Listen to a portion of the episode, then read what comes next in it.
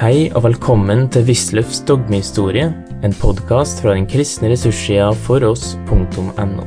Med gjennomgang av Den kristne kirkes dogmehistorie av tidligere professor ved Menighetsfakultetet, Carl Fredrik Wisløff. Vi hadde i forrige time for oss reformspørsmålet i eh, den periode som her er aktuell, fra ca. 1880. Og jeg pekte på de viktigste begivenheter i denne sammenhengen, og ville jo som sagt ganske særlig ha vist til Kirkekommisjonen av 1908. Det er et voldsomt viktig aktstykke og veldig viktig punkt.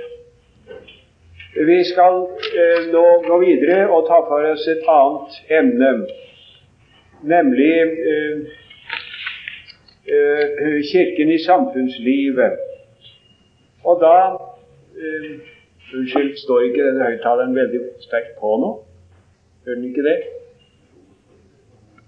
Jeg har jo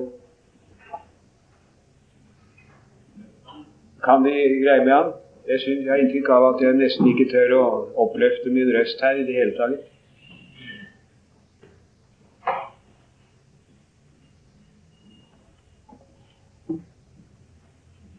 Ja, nå får vi prøve, da. Det var visst bedre. Eh, som en overgang til eh, det emnet eh, så hadde jeg lyst til å peke på noe som vi streifet nærmest i forrige time. Og det er den folkelige bakgrunn for vekkelsesbevegelsene. Jeg har skrevet litt om det på noen steder her på side 33, side 41 og side 75. Jeg vil gjerne få lov å vise til det. Det foreligger dårlig med undersøkelser på dette punkt hos oss. I det hele tatt er de nyere vekkelsene lite undersøkt. Det er en skam at ikke det er gjort mer eh, om saken.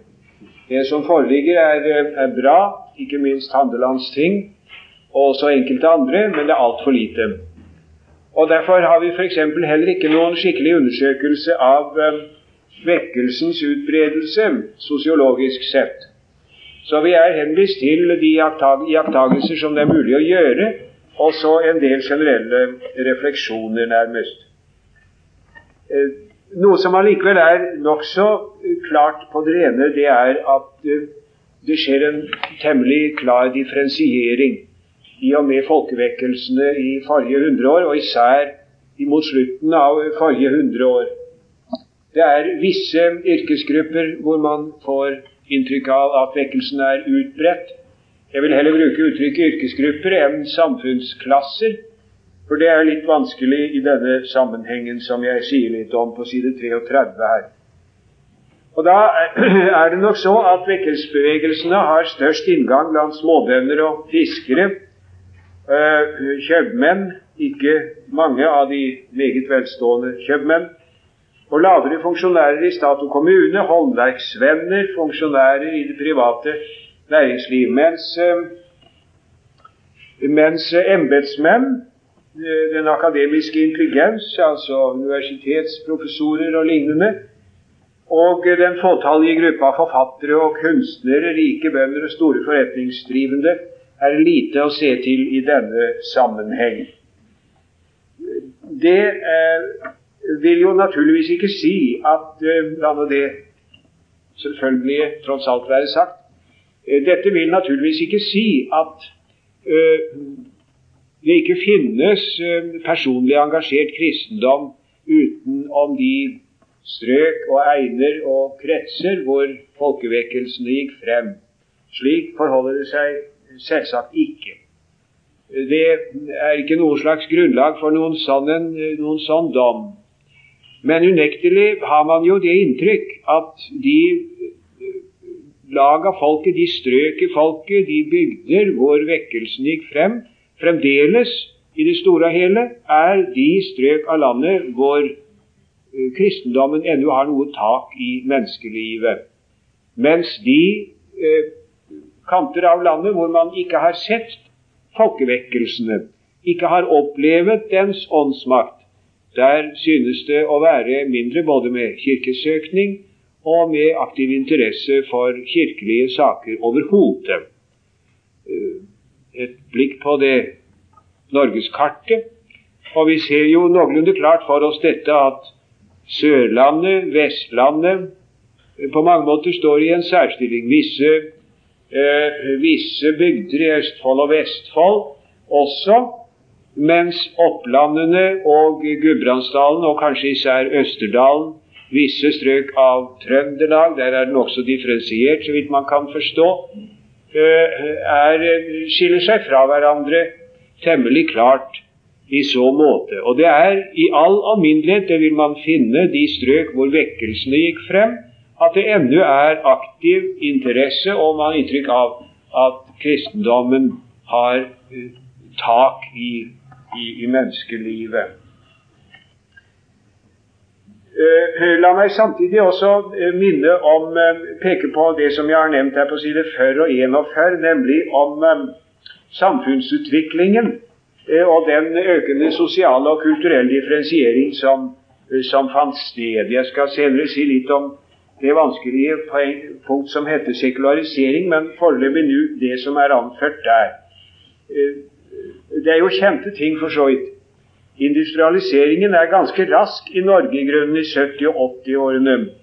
Jeg har nevnt noen tall der med Sverre Steen som kilde. Eh, at mellom 65 og 90 steg folketallet med 300, med 300 000 til ca. 2 millioner. Samtidig utvandret 345 000 mennesker. Og så stiger altså tallet med industriarbeidere fra 12 000 til 61 000. Det er temmelig mye i dette tidsrom. Det er temmelig mye. Eh, jeg vil også eh, peke på eh, side 74 og 75, hvor jeg har gjort noen refleksjoner om eh, den alminnelige eh, altergang, den alminnelige kirkegang. Det er eh, et vanskelig punkt å få klarhet over.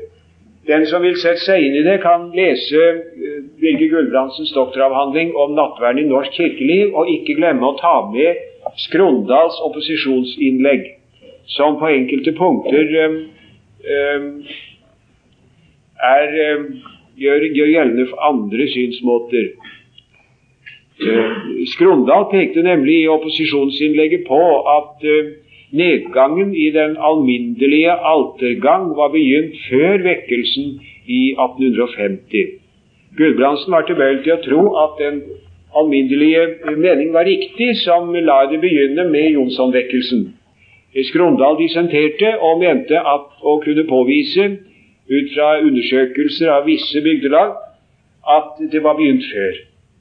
Allerede i 1840-årene er det nedgang. Og det tror jeg nok det er grunn til å feste lit til.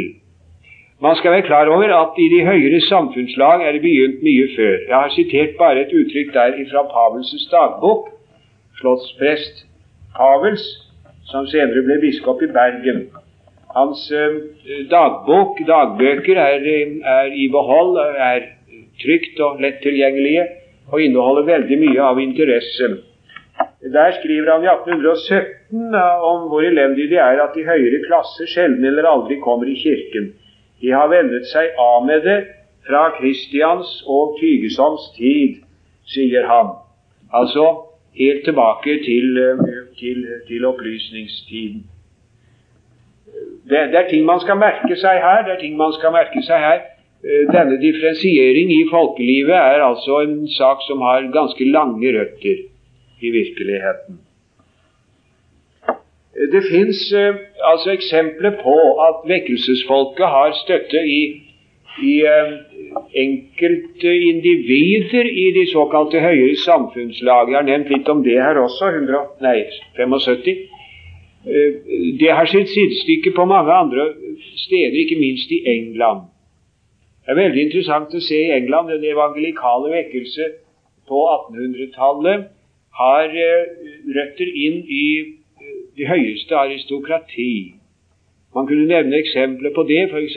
den merkelige lord Radstock, som var kjent som, eh, som taler, vekkelsestaler, simpelthen, og en, en lord uh, i den funksjon i viktoriatiden, er uh, ganske interessant. I eldre oppbyggelsesbøker kan man møte lord Radstock, og i, og i svenske bøker oppbyggelsesbøker forteller man historier om lord Radstock. Det har man også i, i, i, Sverige, hvor det har vært mer av aristokrati selvfølgelig enn hos oss. Greve Stakkelberg. Vi har da vel hørt den kjempegode historien om, om Johan som var en fattig torpare under godset til greve Stakkelberg, og som ikke hadde mat en dag, og møtte greven som var ute på en spasertur. Og så fremgikk det hvorledes det var, og så skrev greven på et stykke papir han hadde i lommen 'Johan eter på Slottet i dag'. Og han gikk opp og fikk god middag på kjøkkenet. Dagen efter var ulykken like stor, han hadde ikke mat, og stakk da hånden i lomma og fant lappen, og så at den var ikke tantert. Og så sto det fremdeles 'Johan eter på Slottet i dag', og gikk opp og presenterte den på kjøkkenet, og efter litt frem og tilbake så fikk han, så fikk han middag gjennom lengre tid og greven ville ikke gå fra sitt ord. Ypperlig historie, mange, utallige ganger, sikkert tusener av ganger brukt som, som, som, eksempel på et løfte som står fast. Det har jeg gjort selv. Samtidig, eh, når man stanser for den sosiologiske side av saken, et interessant bilde fra slutten av forrige hundreår om altså en, en greve, en mann som var rik, høytstående i samfunnet, og som har dette patriarkalske forhold til um, sine, sine ja, leiefolk. Dette var en torpar, en husmann, ville vi si. Noe som ikke fins lenger. Vi er ikke så altfor henrykt over å jakta sånt noe heller nå for tiden, av forskjellige grunner. Men uh, historisk sett er dette et trekk som hører med i bildet.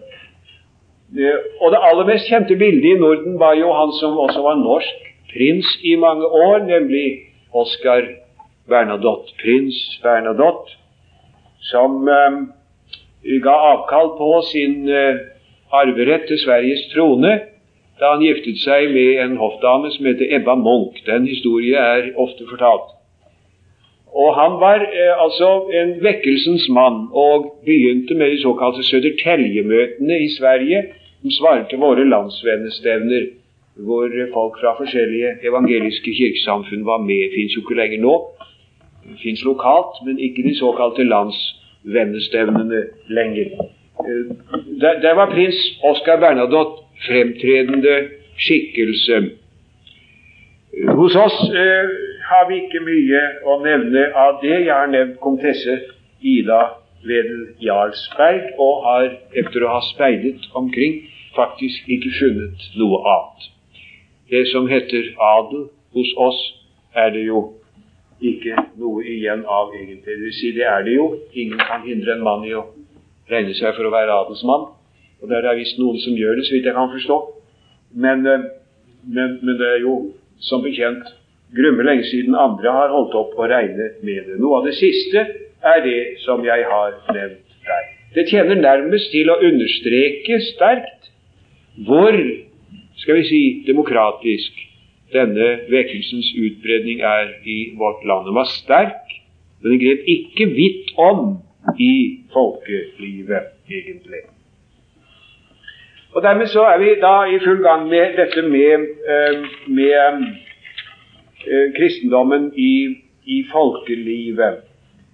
Eh, la meg nevne noen av de ting som her er viktigst å være klar over. Og La oss begynne med å nevne en gruppe som ikke er stor, men som har spilt og spiller en viss rolle, nemlig dissenterne. 110 og 111 i boken først. Eh, det er jo et uh, meget viktig punkt. Norge var uhyre enhetlig hva angikk, uh, angikk uh, innbyggernes, undersåttenes trosbekjennelse. Den som skulle bo i kongens lande, måtte jo være lutheraner. Fremmedartiklene fra reformasjonstiden vil de kjenne til. 25 fremmedartikler som man måtte underskrive hvis man ville bo her. Og geistligheten satte seg på det sterkeste imot hver eneste gang det var aktuelt at reformerte skulle få lov å flytte inn i Danmark. Og da eh, Ludvig 14. opphevet det nantiske dikt, og hugenottene ble mishandlet over all tenkbar beskrivelse, så satte Kingo og andre gudfryktige biskoper seg butt imot at kongen skulle slippe slike mennesker inn i landet. For de var ikke lutherske. Og eh, dronningen, som var Amalie Charlotte, som var altså en fransk hugenottisk prinsesse, gjorde sitt, og kongen, som hadde avgjørelsen, Christian Quint, han gjorde sitt, for han tenkte på nyttige fabrikker og dess like entrepriser, som det heter. Så de kom da inn. Men det spiller ikke noen særlig rolle med de sentre hos oss for langt utpå 1800-tallet, og det første viktige punktet der er jo dissenterloven av 1845, som Aarflot skriver om. Eh, den, den, var, den, ga ikke særlig stor bevegelsesfrihet, den gjorde ikke det. Og man kan lese, eh, man kan se hva en god prestemann som salmedikteren M.B. Landstad tenkte om en sånn sak. Han meldte til politiet. Det var, det var et par metodistpredikanter som holdt møter i husene nede på Halden. Eh, det meldte Landstad til politiet. Det er noen som farer her og holder møter i min menighet, sa. Og hvor gal dissenterloven enn kan være, så gal kan det da umulig være, skriver han, at sånt noe kan være lovlig i Norge. Eh, det Ehm, er jo kjente eksempler da på oberstløytnant Adam Holter f.eks. Han måtte slutte som oberstløytnant da han ble omvendt til Gud, så han fikk pensjon. Og postmester Jakob Glørsen likeledes, for det kunne bare være lutheranere i Norge som hadde slike stillinger. Og så er det fra da gått skritt for skritt inntil den nye dissenterloven kom i 1891. Jeg har har nevnt, nevnt det der. 1902, Norges dissenterting, fortjener også å nevnes. Og eh,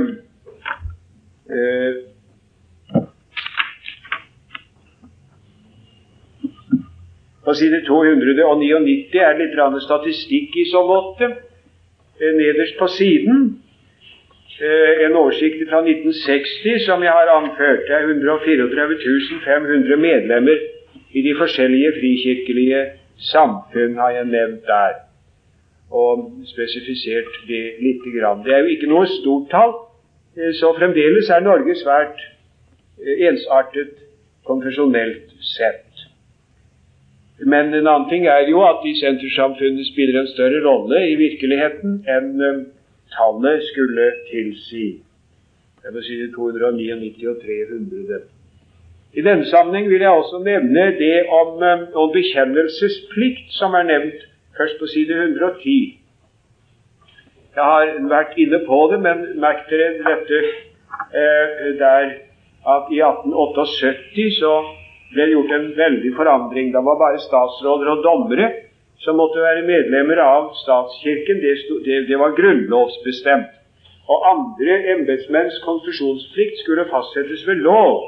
Man hadde en følelse av at dette var litt vanskelig og litt glidende. Og så ble det bestemt i 1880 at det vesentlige var de embetsmenn som hadde med skolens religionsundervisning å gjøre, som hadde konfesjonsplikt. Og i 1892 ble dommere fritatt fra konfesjonsplikten. På side 337 337 har jeg nevnt om statsrådet, kongens råd. Der var det slik at det var i 1919, det, midt på side 337 har jeg nevnte. 1919 så ble Grunnloven endret slik at over det halve antall av statsrådene skulle bekjenne seg til statens offisielle religion. Før hadde alle statsrådene denne plikt. Det var Johan Ludvig Mowinckel som skulle bli statsminister. Og eh, Nei, han skulle først inn i, inn i regjeringen, skulle han. Men han var jo senere statsminister i flere perioder, og i mange år til sammen. Kjente venstrepolitiker Johan Ludvig Mowinckel. Han var, eh, tilhørte ikke noe kirkesamfunn. Det var mye i den anledning dette ble forandret, og loven het da lenge også Lex Mowinckel. Dette som heter sekularisering, er jo en eh, prosess som ikke er så lett å, å overskue riktig. Uh, siden 72 og utover har jeg nevnt det, og dette har jeg allerede vært litt grann inne på. Eh, det er en prosess som går skritt for skritt. Jeg har anført på side 480 noe fra den nyeste tid i så måte. Efter siste krig har det i grunnen jo gått nokså raskt. Eh, der uh, Vi behøver ikke nevne alt dette her. Det er om lærerskole, Oslo lærerskole, som ble overtatt av staten uh, med et maktbud bent frem. Det var ikke lovhjemmel for det engang. Det er uimotsagt hevdet senere. Merkelig nok så ble det ikke noen strid den gang. Det gikk så forunderlig slapp for seg, og man spurte er dette de samme menneskene som kjempet en drabelig kamp mot nazistene under krigen. Og det var det. Men sånn ble det da. Og her har jeg nevnt om mødrehygienekontorenes undervisning i bruk av preventive midler. Det ble eh, legalisert, og det ble hatt en voldsom motstand som nå etter hvert synes å være dødt ganske bort. og det foregår jo til enhver tid nå.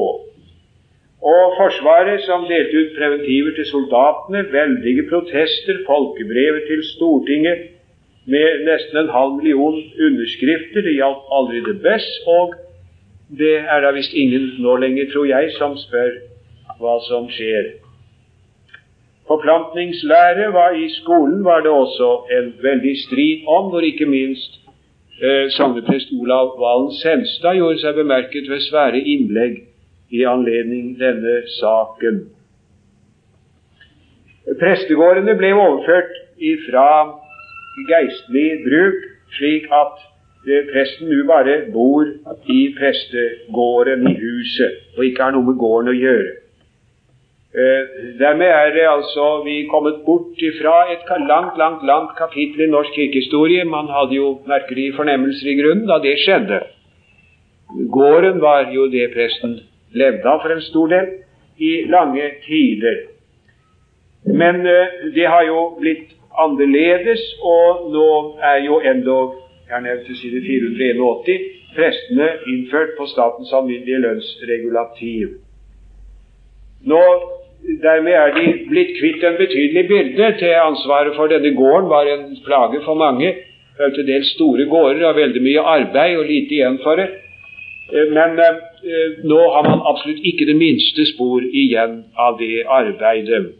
Andre steller med den saken, hvis da ikke presten skulle ha vært innvalgt i dette styret, som har med gården og dens drift å gjøre.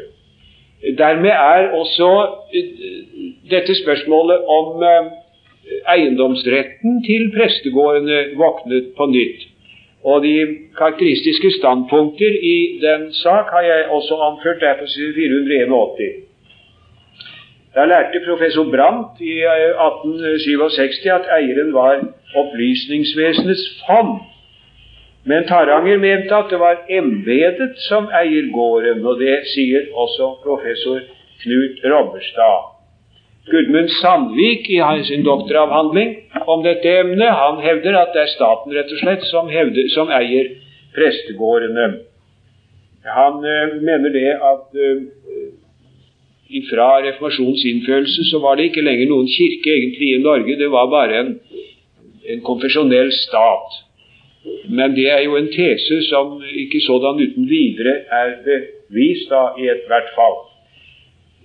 Det sikreste man kan si om eiendomsretten til prestegårdene, det er at det eventuelt måtte bli domstolene som avgjorde den sak til sist, Høyesterett.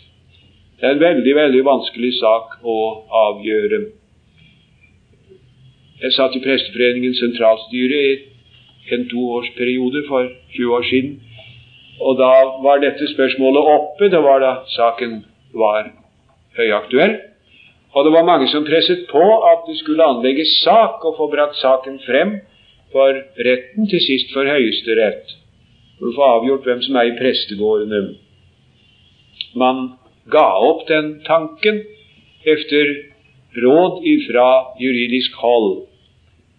Um, den er så vanskelig at det visst ikke er noen som tør å si på forhånd hva resultatet ville bli. Imidlertid går jo også den økonomiske utvikling den vei at det ikke lenger på langt nær spiller den rolle som det gjorde før. Jeg vet ikke hvor stor del av sin lønn prestene nå får ifra fonds som har med prestegården og deres avkastning å gjøre, men det er i hvert fall sikkert nok at det er prosentvis stadig blitt mindre og mindre ettersom den valutasituasjonen forandrer seg, kronens verdi synker, og øh, lønnsutviklingen går sin gang sånn som den gjør.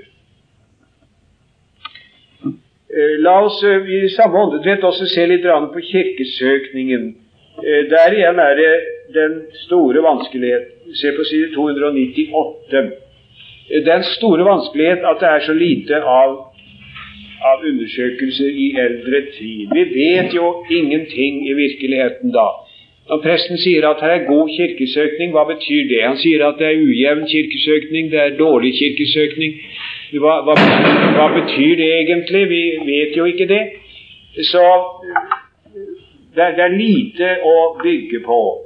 Noe bedre er det i nyere tid, hvor man har statistiske undersøkelser som jeg har anført noe om her på side 299 og følgende. Det er jo helt tydelig at uh, tallene er lave for Norges vedkommende. Hvis de studerer disse tallene, så vil de tale for seg selv. Det er svak kirkesøkning i Norge, og det har vært sagt at vi har verdensrekord i mangel på oppslutning om gudstjenesten. Spør man da om folks stilling til trosspørsmål, så blir bildet et noe annet. Personlig mener jeg jo at eh, disse undersøkelsene og denne sidestillingen lider av betydelige svakheter. Man har i altfor liten grad, om overhodet, tatt hensyn til de geografiske forhold. Eh, en meget stor del av vårt lands befolkning kunne ikke komme i kirken hver søndag om de aldri så gjerne ville, av rent geografiske grunner. Det er noe alle vet utover landsbygda. Det er ikke gudstjeneste i alle kirker i Norge hver søndag. Og noen, noen, noen kirker er bare hver annen søndag, tredje søndag, fjerde søndag, eller enda sjeldnere. Eh, og dessuten har, de spiller det en rolle med meget lange veier, noe som man også må ta hensyn til i vårt vidstrakte land. Det er ikke lett å, det er ikke riktig å sammenligne det med Tyskland eller med Danmark, hvor kirkene ligger tett i tett bortigjennom. Det spiller også en viss rolle.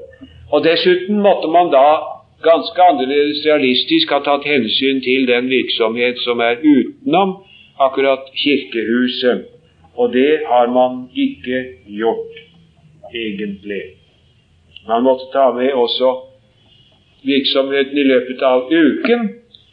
Og man ville da antagelig komme frem til at det er skjedd en betydelig endring i folks gudstjenestelige vaner. Eh, bort fra søndagens eh, høymesse som det store høydepunkt, i retning av en viss differensiering. Og hva da radio og fjernsyn spiller for rolle i denne sammenhengen, er det ikke lett å bli klar over.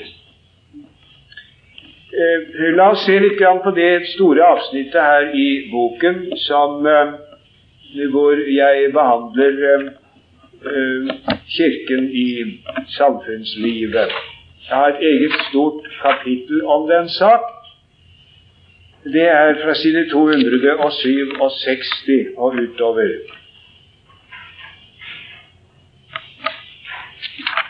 Det kan ikke være tale om å, å, gå gjennom dette her noe nærmere. Det er dessuten overflødig. Man kan lese dem. Men eh, la meg få peke på noen særlig viktige punkter. Jeg har litt her om kristendommen i diktning og bildende kunst. Og da eh, har jeg nevnt en del forfattere som har kristne motiver i sin diktning. Jeg har ikke tatt med Wildenveis, sant å si. Vi hørte professor Nomes meget spirituelle og interessante foredrag her for kort tid siden, da uh, jeg har holdt meg til diktere hvor det kristelige idéinnhold er allikevel noe mer markert enn tilfellet må sies å være hos Wildenberg, får man vel si.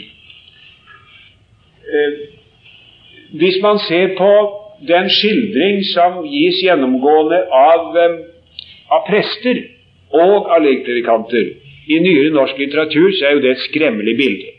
Jeg har nevnt det her 268 og følgende. Eh, det er det jo flere som har vært inne på hvis de leser eh, hva Anders Krogvik og Paul Gjesdal har skrevet om den ting, så er det i hvert fall ikke svakere uttrykk enn de som jeg har valgt, valgt her. Eh, hvor jeg sier at de opptredende kristne personligheter tegnes som maktsyke, følelseskalde, innvortes forkrøvlede typer som har drept eller fortrengt alle gode menneskelige egenskaper i seg, slik at det nå bare står tilbake et perverst hat til alle gode krefter i livet. Og prestene er gjenvunnet dumme, innskrenkede og livsfjerne. De har kanskje vært normale, men miljøet har drept all opprinnelighet i dem. Og legpredikantene er dertil lystne kvinneforførere og bevisst hyklerske. Det, det, er noe aldeles forskrekkelig. En normal prest i en norsk roman er en sjelden fugl. man treffer ham praktisk talt ikke. Man treffer ikke særlig mange sympatiske eh, kristne personligheter eh, heller. Man finner naturligvis noen, men da er de opprørere. Da står de helt utenfor. De står imot den organiserte kirke, sånn som Johan Boyers romaner, for ikke å snakke om Johan Fredrik Vinsnes. Gabriel Scott er jo en som har veldig mye av kristne motiver, for så vidt. Men det er det samme her. Det er en viss panteistisk religiøsitet i hans diktning.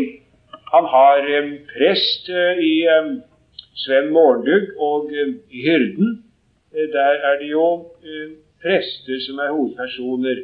Men de er da opprørere. De er liberale teologer og står med absolutt altså beint imot den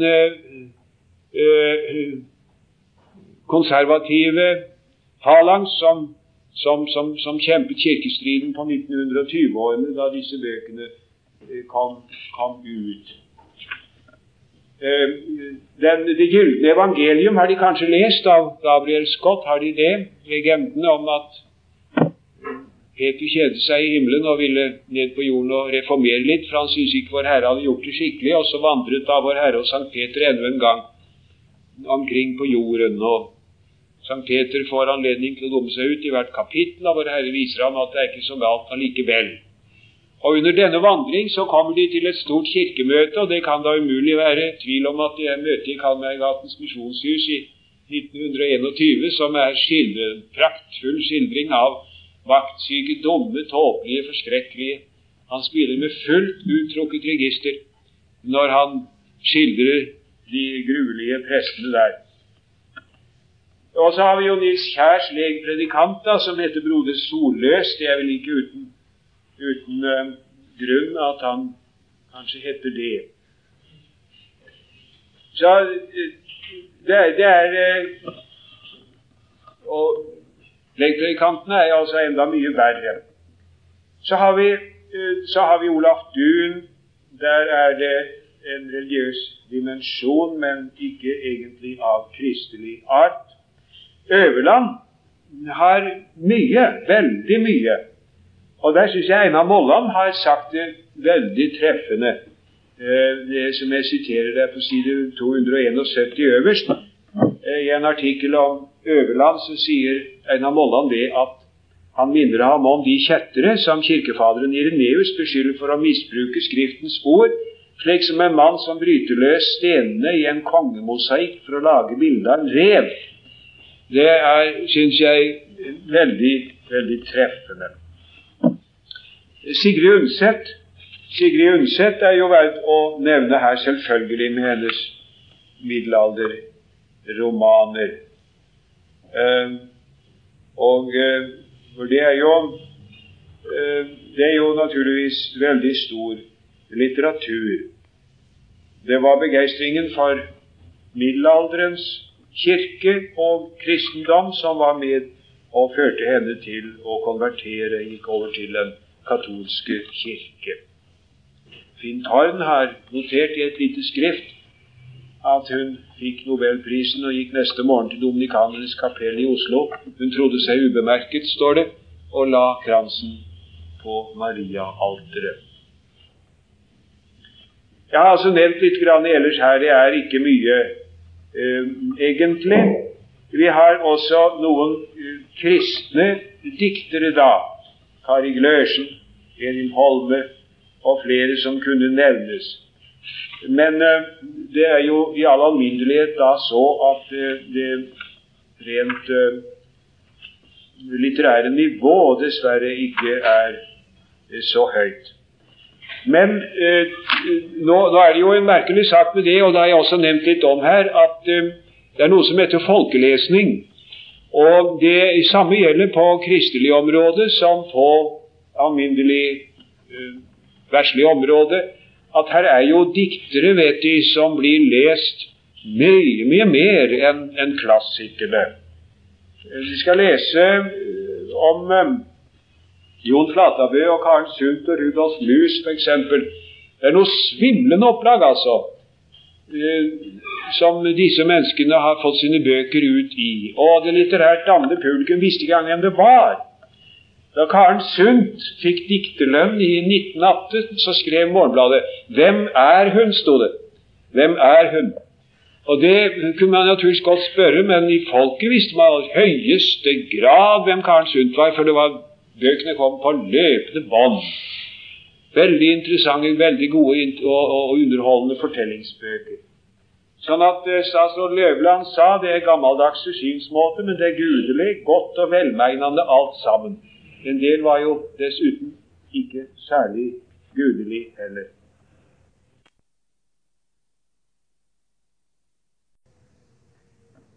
Så hvis man skulle prøve et, et, en sammenhengende eh, vurdering av det der, så er det sannelig ikke så godt. Man eh, må konstatere at det hos oss ikke har vært mye av skapende evne i så måte. Det har ikke det. Og det er vel ikke helt uten sammenheng med heller at uh, vekkelsens folk, som har sin styrke på mange områder, ikke har hatt noen særlig styrke her. Ikke, ikke fostret særlig mye her på dette området. Eh, I 1920-årene var det veldig stor interesse for spiritismen. Og det er merkelig for den som er gammel nok, å se at vi nå igjen er oppe i en sånn en bølge av eh, religiøsitet. Hva hører man ikke her om Krishna og om transcendental uh, meditasjon og om merkelige ting. Også om spiritistiske seanser hører jeg dukker opp igjen, til dels. Og fanger interesse etter at det har vært helt dødt i en hel del år. I 1920-årene var det kolossalt mye, mye eh, av det, og jeg har altså som gymnasiast vært med på å finne fram et bord med tre ben. Skulle bare være limt og ikke spiker i det, for å kunne bruke det til åndetelegraf. Jeg har da faktisk selv vært med på. Vi snakket om det, og noen trodde på det, andre var skeptikere. I 1930-årene toppet dette seg til i den merkelige saken med byfogd Dahl i Fredrikstad. Vi vil kanskje ha hørt om et miljø omkring byfogd Dahl i Fredrikstad. Han mistet to sønner ved ulykke og ble spiritistisk interessert og mente å ha samt forbindelse med dem. Hans datter, fru Ingeborg Køber, var fremtredende medium. Han omkom ved en ulykke. I den anledning ble det rettssak, han hadde en meget stor ulykkesforsikring som ville ha utløpet meget kort tid etterpå. Uhyre dramatisk. Man snakket om dette her i uker og måneder i 1936 da rettssaken sto på. Eh, den katolske kirke, ja, det har jeg også skrevet om her. Det merkelig hvordan man der har hvordan den har uh, skiftet uh, Hvordan vurderingen av den katolske kirke har skiftet i Norge voldsomt. Katolsk og katolikk var jo et farlig ord vendt frem. Sto skrekk av det i eldre tid. Og eh, når man da ser hvorledes det er nå, så må man jo si at forandringen er meget stor. I store kretser, i hvert fall av folket, er jo, er jo nå noteres jo den katolske kirkes aksjer meget høyt. Eh, vi har her eh, dette med jesuitters adgang, det har jeg da nevnt. Eh, og jeg vil nevne også om fru Martha Steinsvik, hvis rettssaker og opptreden spilte en viss rolle vakte atskillig oppmerksomhet i noen tid. Det ble også en rettssak da, som To ganger var det rettssak, og utfallet var nokså tvetydig. Martha Steinsvik hadde sikkert rett i det meste av det hun skrev, og hennes anførsler var riktige. Det har professor Ilen og professor Frøvik bevidnet. bevitnet.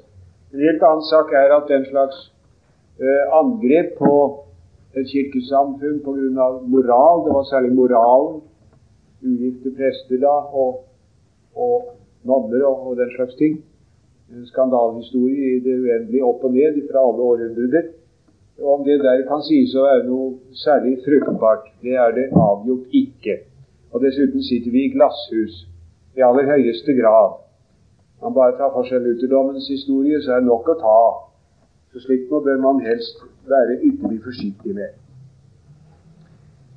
Kirken og arbeiderklassen er et, et stort og merkelig kapittel. Jeg har nevnt her om det Eh, og nevnt også noen prester som eh, sto i litt av en særstilling. De fleste synes ikke å ha egentlig forstått hvor stort det problemet er som han her hadde med å gjøre. Eh, Michael Hertzberg, sønn av statsråd Hertzberg, han eh, tok jobb i, på en fabrikk og skrev en liten bok om det i 1905 og hadde et eh, program faktisk for sosiale reformer. En annen merkelig kar var jo Alfred Eriksen. Alfred Eriksen, Karlsøy-presten, som eh, stiftet eh, Nordlands sosialistiske parti, Tromsø amts sosialistiske parti, og kom på Stortinget i 1903 som representant fra Arbeiderpartiet. Det varte til 1911 eh, nei, 1912. Da viste det seg at noen egentlig sosialist var han i grunnen ikke. Riksmålsmann, forbudsmotstander, prest og sosialist. Det ble litt for mye på en gang, så at det samarbeidet det, det, det sprakk. Han valgte riksmålet fremfor sosialismen. Faktisk han ble stille på valg og valgte, riksmålet. Han hatet landsmålet. Hatet landsmålet. Meget eiendommelig mann. Han uh, tok ofte ordet i, i, Stortinget og var plassert seg da i, i livssynsdebatter, f.eks. når det gjaldt Menighetsfakultetet, på den teologiske venstrefløy, aller ytterst ute. Skjem Hansen er også et navn å nevne der, og Kristen Skjeseth. Ellers er jo da forholdet det at eh, Arbeiderpartiet Jeg viser jo til hva jeg har skrevet her. Eh, hadde en meget, meget radikal periode fra 1911, den såkalte fagopposisjonen av 1911, med Martin Tranmæl som ledende skikkelse. Han vettskremte hele borgerskapet ved å tale om dynamitt i bordhullene i 1912. Og Da var det også en meget, eh, meget sterk antikirkelig og antikristelig fløy i ledelsen. Og i 1918 hadde vi en meget uh, kjent og betydningsfull episode. Jeg har nevnt det 280 og 81. Da vedtok man en lov, en uttalelse, om, at, om, om revolusjonær masseaksjon. Eh, eh, og så I 1918 så var da den berømte programposten som het at kristendomskunnskap utgår av skolens fagkrets. Den nødvendige kirke- og religionshistoriske kunnskap meddeles som ledd i historieundervisningen. Det ble et stort knall om, og det er visst ikke tvil om, de bedømte det selv som, at det var sterkt medvirkende til at det gikk så dårlig ved valget like etterpå. Så man har ikke gjentatt det der. Det var en taktisk bommert, sa Tranmæl. Det, det, var, det hørte jo med altså i opplegget at det skulle være aktiv arbeid mot kristendommen. Den uh, røde høymessige Skien i 1918 var det snakk om meget lenge etterpå, da man sang 'Skriv deg holdfot på mitt hjerte' på den store røde flokk vi ser. Det, det, er merkelig å tenke på det. altså Slik kunne vel neppe passere nå. Det tror jeg ikke. Man ville ikke, man ville ikke, komme, ville ikke ha tenkt seg det mulig en gang, og ville ikke være interessert for det en gang. Om det betyr sterkere kirkelig tilslutning, er jo en helt annen sak da. Jeg har skrevet om Mot Dag-kretsen her på side 283. Denne merkelige kretsen omkring Erling Falk. Det, det var den tids uh, SUF, heter det. Det stemmer ikke. Det stemmer jo kanskje til dels en elitebevegelse, men ikke helt allikevel, tror jeg. Eh, de dominerte kolossalt i studentersamfunnet, og eh, han samlet denne Falk jo om seg en lang rekke meget begavede unge menn, som senere har spilt en veldig stor rolle, og fremdeles gjør det nå som eldre menn nå da, i vårt land. Det hadde også en stor litterær virksom eh, litterær produksjon, og eh, jeg har nevnt her Arbeidernes leksikon, som man vil kunne studere på UB. Ta en titt på det og slå opp litt her og der. Det er selsomme ting som der kan finnes. F.eks. hvis man slår opp under Indremisjon, så finner man at noe av Menighetsfakultetet. Det drives faktisk av Indremisjonen, står det, og prestene får der sin utdannelse uten ethvert hensyn til de resultater den vitenskapelige forskning har nådd. Du har nå hørt Wisløffs dogmehistorie. Finn flere ressurser og vær gjerne med å støtte oss på foross.no. Følg også gjerne noen av våre andre podkaster, f.eks. Table Talks.